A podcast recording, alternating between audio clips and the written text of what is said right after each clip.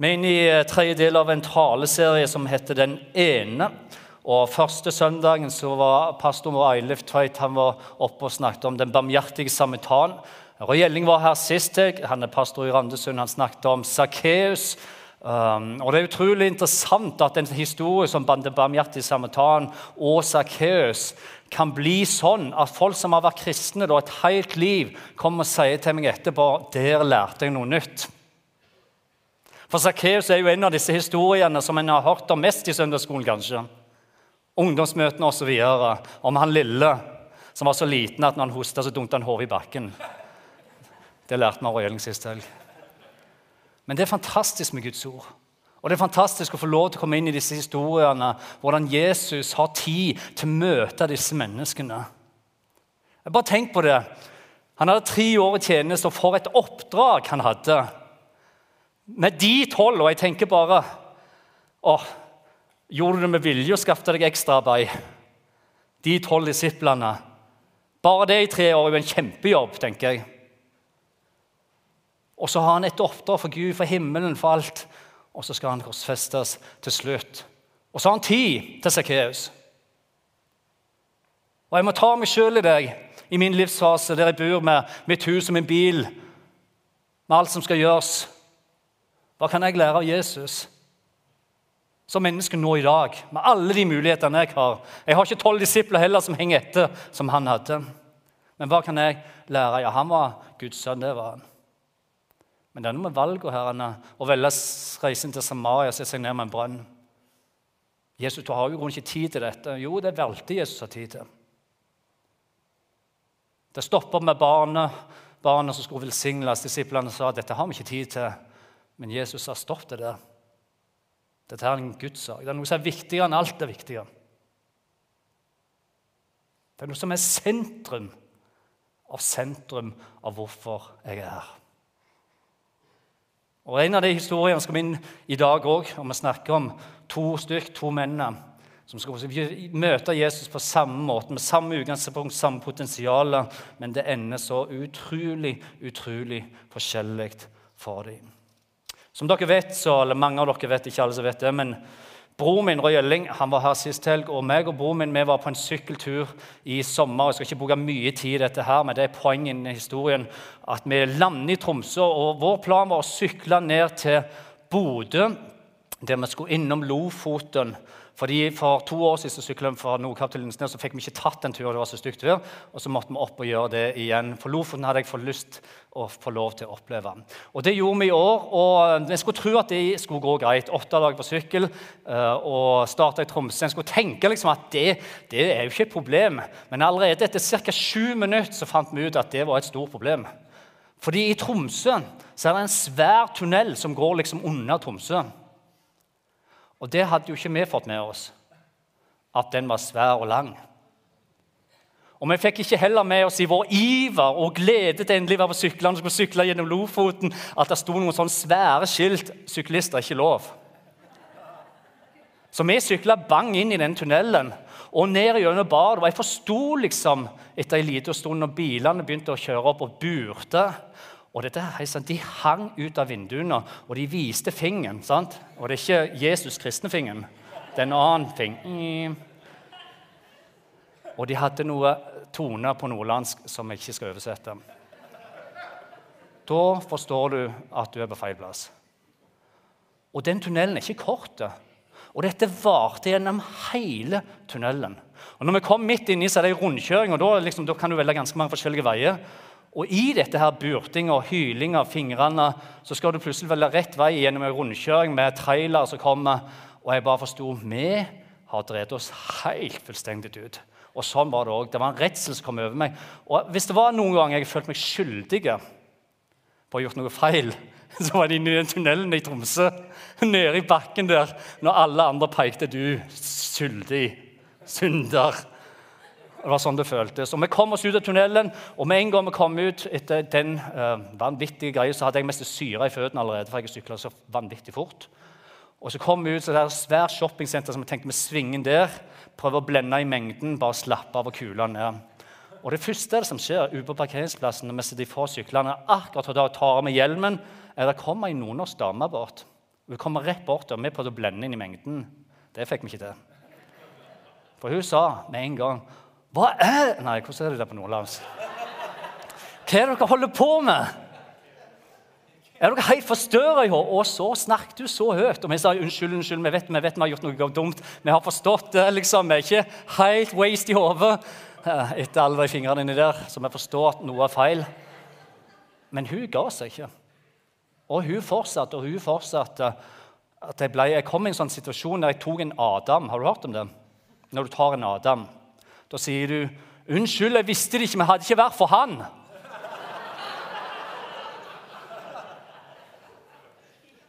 Så står Ellen der på sida.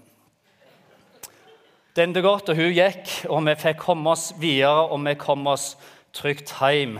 Men uh, aldri noen gang, og det er helt sant òg. Jeg har vært med mye, jeg har vært på rektors kontor i 5. klasse, og rektor han tok meg Det var ikke sånn som det er nå, vet du. For når jeg kom ned der, Hvis ikke jeg hadde gjort en gang i 5. klasse, sto det fem gutter på sida av hverandre. Det første han kom bort, det var meg. Han rullet bort på rullestolen sin, så tok han tak i brystet, og så vrei han rundt, og så sa han bare innrøm du er skyldig. Og tårene de bang rett ut. Jeg visste ikke hva han snakket om engang. Men da, i Tromsø, så følte jeg meg som skyldig. Da var jeg virkelig skyldig. I Bibelen og evangeliet så står det om to stykk. To stykk som var på samme sted med Jesus. De hadde den samme tida sammen med Jesus, de hadde begge det samme utgangspunktet. Men måten de benytta tida, måten de valgte å forholde seg til Jesus, endra alt. Så det handler ikke om Jesus, men det handler om deres valg. Om deres måte å tilnærme seg Jesus. Og Vi snakker om de to forbryterne som ble korsfesta sammen med Jesus. En på høyre side og en på venstre side av Jesus. Du ser det tingen er den at vi alle her, alle her inne har en rettferdighetsskala det vil si noe er urettferdig, og noe er rettferdig. Vi sier f.eks. at å stjele det er mye verre enn en hvit løgn for å slippe unna av og til. Vår rettferdighetsskala er litt annerledes enn Guds. Eller vi sier å snyte på skatten er mye verre enn å baksnakke noen andre, i hvert fall når de ikke hører på. Vår rettferdige skala er veldig annerledes enn Guds. For sannheten er sånn at sånn Gud ser det, så er vi alle skyldige. Det er ei linje når det kommer til å bryte hans lov. Når det kommer til løgn, baksnakkelse, misunnelse, begjær, grådighet eller dømme andre og baksnakke andre og løfte seg sjøl opp over andre, så lærer Bibelen oss dette, at vi er alle skyldige. Og vi har alle brutt Guds lov. Og med det sagt er det ikke hyggelig å være på gudstjeneste. Hæ? Og bli oppmuntra. Jakob, som er bror til Jesus, som skriver dette Jakobs brev som står om i Bibelen, han skriver sånn som dette her. For den som holder hele loven, men snubler i ett av budene, har gjort seg skyldig i å bryte de alle sammen. Og nå er det ikke Jim sin standard, vi snakker Guds standard. Med andre Hvis du mister hodet en gang, eller Sali gjorde noe, eller bare tenkte det Skyldig.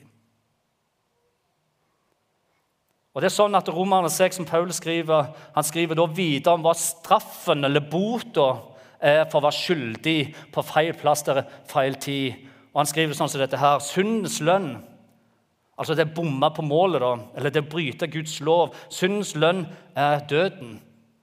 Det er ikke noe mellom. Det er døden.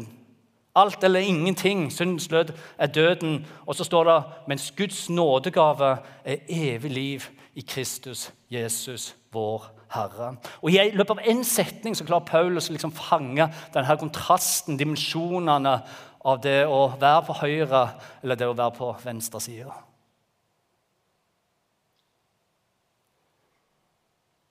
C.S. Lewis, som er en briljant forfatter og filosof, han skriver det er sånn som dette her.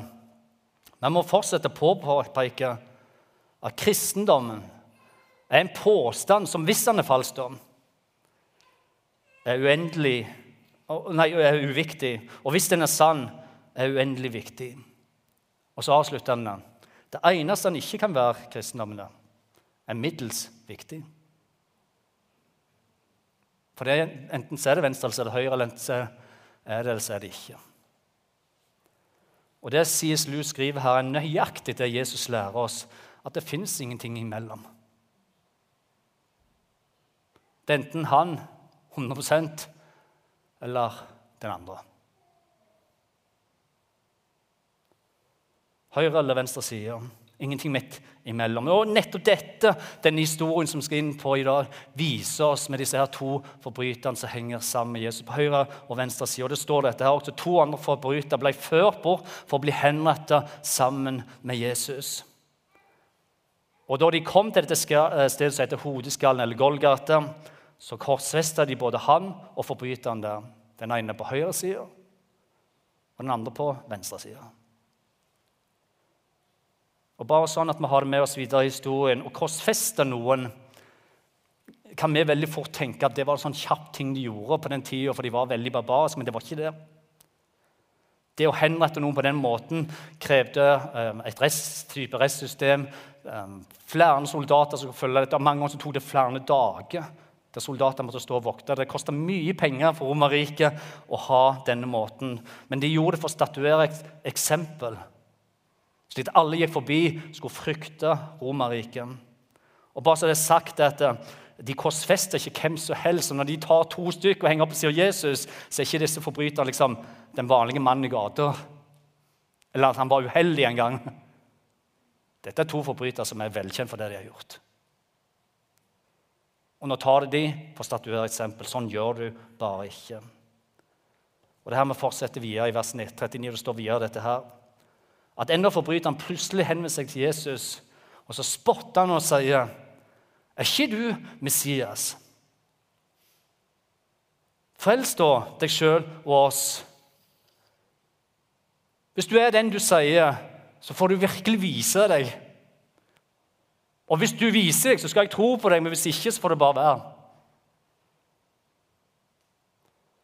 Og hva viser det? Jo, det viser oss dette her at han som hadde alle muligheter, han hadde frelsen foran seg, så velger han heller å være arrogant.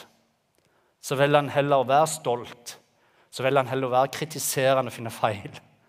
Prøve å finne mangler. Ingen frykt for Gud.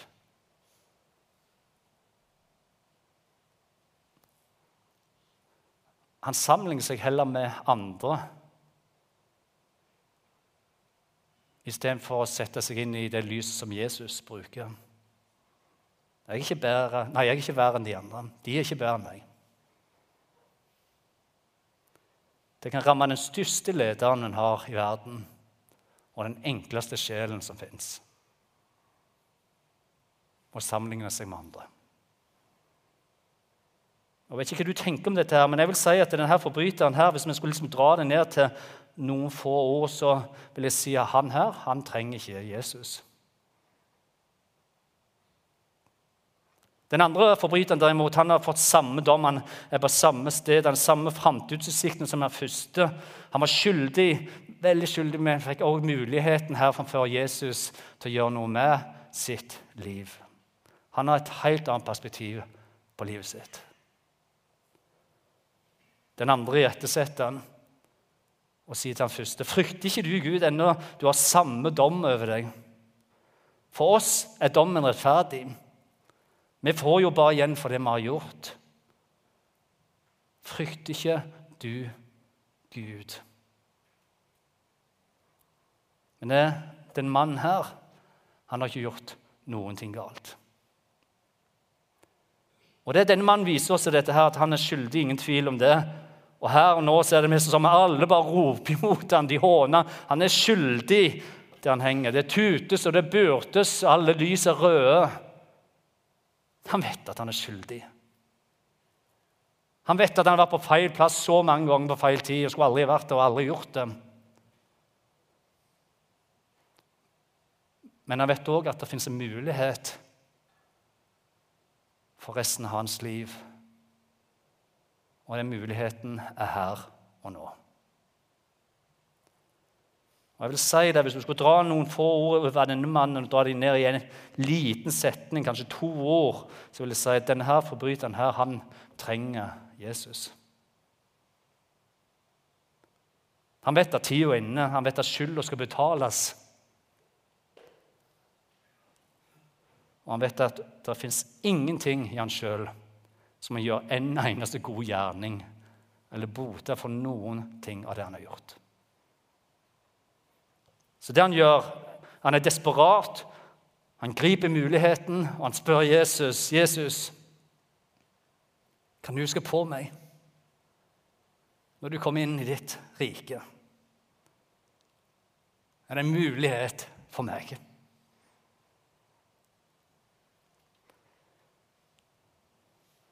Begge var de like skyldige. Begge hadde de gått gjennom grusom lidelse. Begge var de døende og trengte den tilgivelsen. Begge var de dømt til døden for det de hadde gjort, og begge hadde de samme mulighet foran Jesus til å gjøre et valg. Men bare den ene valgte å gjøre det. Den andre valgte det ikke. Og svaret Jesus gir til den ene som velger det gode, er dette. Sannelig jeg sier deg, i dag skal du få være med meg i paradis. Paradis som er et virkelig sted med virkelige folk, med virkelige liv. Og Den første Jesus valgte å gå inn til dette paradis sammen med for denne forbryteren som mennesket ikke kunne ha iblant seg lenger. Men hos Jesus så var det et rom for han. Du ser det, det er ikke gode folk som kommer til himmelen. Ikke gode folk, det er tilgitte mennesker som kommer til himmelen. Vi kommer ikke til himmelen fordi vi er gode. Vi kom til himmelen ene og alene fordi han er god. Fordi Jesus kom ikke for å dømme. Han kom ikke for å peke, men for å gi nytt liv og nye muligheter. For å frelse det som var fortapt. For å gi den skyldige muligheten til å ta imot et nytt liv. De falt dask. Er det mulighet? I dag skal du få være med meg. Der mennesket ikke har plass, der har Jesus plass. Og det her Apostelen Paulus velger å skrive det sånn som dette her. La det samme sinnlag være dere som også var i Kristus Jesus. La det være sånn med oss. La oss ikke miste dette. Bli harde, men lære av Mesteren. Så kommer nåde. Han var i Guds skikkelse og så det ikke som et råd for å være Gud lik, men ga avkall på sitt eget. Han tok på seg tjenerskikkelse og ble menneskelik da han sto fram som menneske. Da fornedra han seg sjøl. Han ble lydig til døden. Ja, døden på korset. Han så det ikke som et røvergods å være Gud lik. Istedenfor å sitte på en trone så valgte han å henge på et kors. Istedenfor å ha gyllen krone på hodet som lyste, så valgte han en krone av torner. Jesus gjorde det. Istedenfor å være omgitt av tjenere, så vil han heller være omgitt av syndere og tyve. Ja, han kunne herske, men han valgte å tjene. Han kunne brukt all rikdommen på seg sjøl, men han valgte å gi det bort. Han kunne valgt sin egen vei med livet, men han valgte Guds vei med livet. Han kunne sette seg sjøl i sentrum, men valgte å sette Gud og deg i sentrum. Han var uskyldig, og han fortjente å leve. Men han valgte å dø slik at du skulle få leve. Og når jord rister, og forhengene revner, og himmelen ble mørk og så rullet gravsteinene hvor. Hvorfor? Fordi han er Jesus Kristus, Guds sønn, den allmektige, som kunne vise sin allmakt, men som valgte noe annet. Fordi han elsker. Og så utrolig høyt. Og Når Jesus da skal summere liksom loven og det som har vært i Gamle testamentet, med det som kommer fra A til Å, liksom, ned i noen få setninger, så sier Jesus det sånn sett. Han plukker det fra Gamle testamentet og sier han, du skal elske Herren Gud av hele ditt hjerte, av hele din sjel og all din forstand. Dette er det største og det første budet. Med et annet er like stort, sier han. Du skal elske din neste som deg sjøl. Nummer én elsk Gud. Og nummer to elsk din neste og sannheten i vår rikelige, vestlige verden og vår travle kultur. Herre, du må hjelpe oss. Hjelp oss så ikke vi mister det. At vi glemmer å elske de som du elsker så inderlig høyt. Her må du hjelpe oss slik at det ikke blir jeg som står i sentrum i mitt eget liv, men at du og min neste blir stående i sentrum.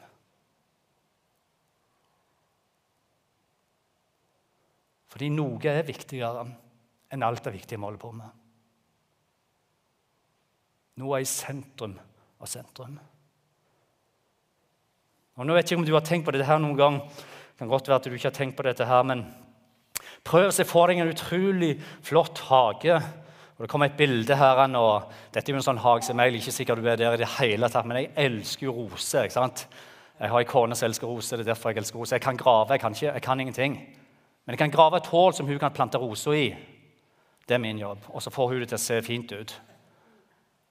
Men jeg elsker sånne hager. Bare Se for deg en sånn hage hvis du klarer det. Jeg vet dette kan være vanskelig for menn, og det er litt feminint, men prøv så godt dere klarer den. Se for dere en kjempeflott hage. Det er roser, og det er, liksom, det er palmer, og det er en bekk som renner der. og Det er kanskje en fiskedam, og det er masse fisk oppi. Og det er utrolig mye flotte blomster i all slags farger. Og det er grønt gras, ikke sånn som mitt gras, for det er liksom fullt av ugras i. Men det fins ikke ugras i dette her. Og så ser du bare den ene planten vokse opp i den andre. Dag etter dag når du går gjennom en hage, så kommer det opp noe nytt. Der det er frukt, der, der du plukket frukt i går, det plutselig kommet noe nytt. En hage som er i hele tida utvikling. En drøm av en hage. Og Rundt denne her fantastisk flotte hagen så står det hvitt stakittgjerde. Et gjerde som er der for å beskytte den flotte hagen. Det er naturlig. Når du har noe så flott og vakkert, så vil jo eierne noe sånt prøve å beskytte det for dyr hvert fall så. Vi kommer fra Jæren og flytta ned her for åtte år siden. og Vi kom ned her, vi hadde ikke peiling på rådyr, og sånt med, så vi satte ut tulipan liksom, langs hele rekka ut til der det ikke var noe hage. Ja, Det var jo veldig smart gjort. Og Det fant vi ut med en gang at det kan du ikke gjøre her. For det er dyr som kommer inn i hagen. og om det ikke er dyr, så kommer det fullt av folk, så trør de det ned. liksom. Så Eieren av den flotte hagen har satt opp et fint kvittgjerde. Men hvorfor setter han opp dette gjerdet? Hva er det jo? Dette her er ikke så logisk. Dette er veldig, veldig logisk. Han setter opp et gjerde for å beskytte og bevare det som er så vakkert og fint, det som kommer og som bringer frukter hver dag. Det som eieren går og nyter og bare ser på og blir inspirert av. Hvis du henger med nå så skal vi prøve å flytte dette bildet her. Og så skal vi si at du og meg er denne hagen. Og når Gud ser på deg, så ser han noe av det vakreste han har sett. Han fryder seg hver dag når han legger øynene på deg. Og Det er så stort potensial, det er så mange farger, det er så mye godt. Ja, Han ser en skakk og en sliten og knust verden, men så ser han deg. Han ser en brutal og avkjørt verden, men så ser han også vakre deg. Og Det er også derfor Gud valgte å sette opp det her gjerdet. Et gjerde rundt livet ditt. Fordi han ser hvor utrolig vakker du er. Så det eneste han ønsker, er å beskytte og bevare det vakre du. Derfor et gjerde. Derfor et rammeverk. Derfor en bibel. Derfor bønnen. Derfor fellesskapet, menigheten. Derfor gudstjeneste søndag etter søndag etter søndag, sånn at ikke du skal miste gjerdet. Fordi han ønsker å bevare og beskytte. Og så vil mennesket si ja, men er du ute etter å ta ifra meg friheten? Er du ute etter å ta vekk det som jeg Jeg må jo få lov til å gjøre hva jeg vil. Ja, det, det har du lov til. De to røverne hadde den. De kunne velge akkurat hva de ville.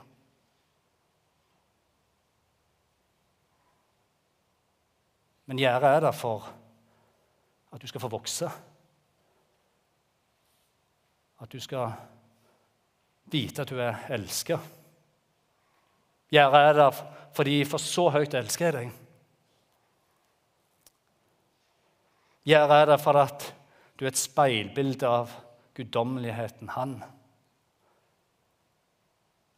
Så hver dag han ser på deg, så ser han noe vakkert, noe flott. La meg få være med og beskytte deg og bevare deg.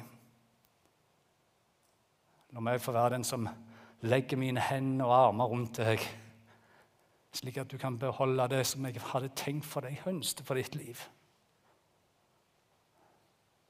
Sette deg fri. Slik at du kan ta gode valg. Lytte til rett stemme. Bli det du var meint til å være.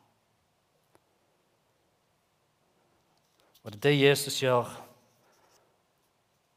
når han strekker ut armene gjennom det han sier mot denne her ene på korset. Han sier sannelig,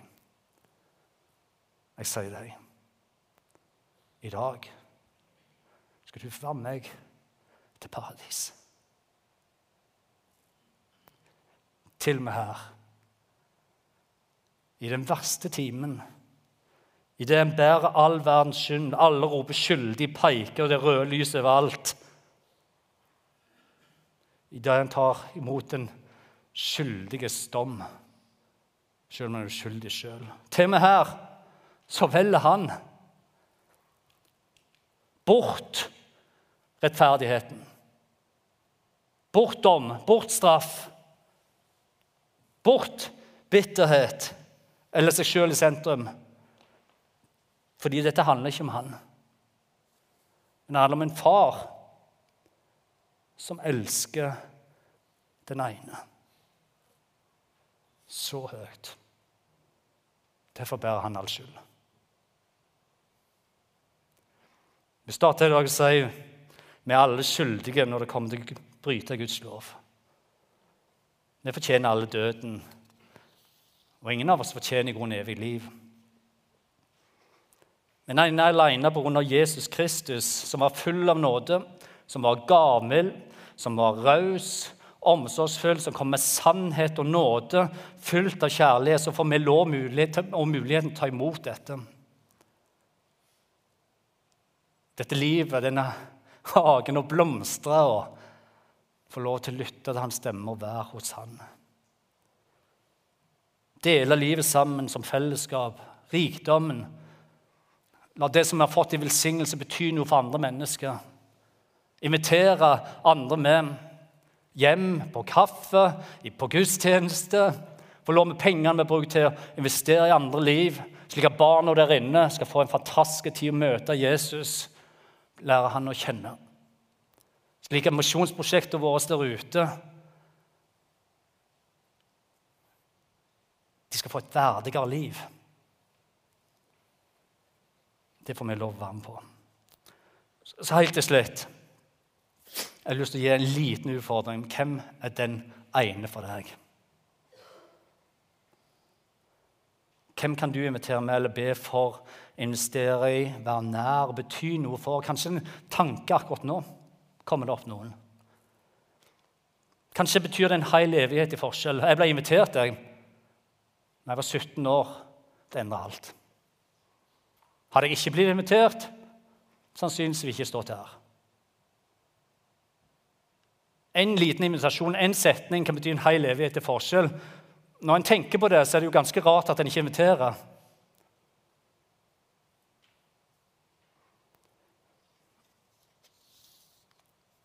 Bibelen sier 'elsk hverandre', ha storsinn med hverandre, bær over med hverandre, oppbygg hverandre, vær gode mot hverandre, vær tålmodige med hverandre, rettleg hverandre. Fordi det er mer enn sang, det er mer enn en bønn, det er mer enn løfte hendene, og det er mer enn å gå til nattverd, noe som er utrolig fint.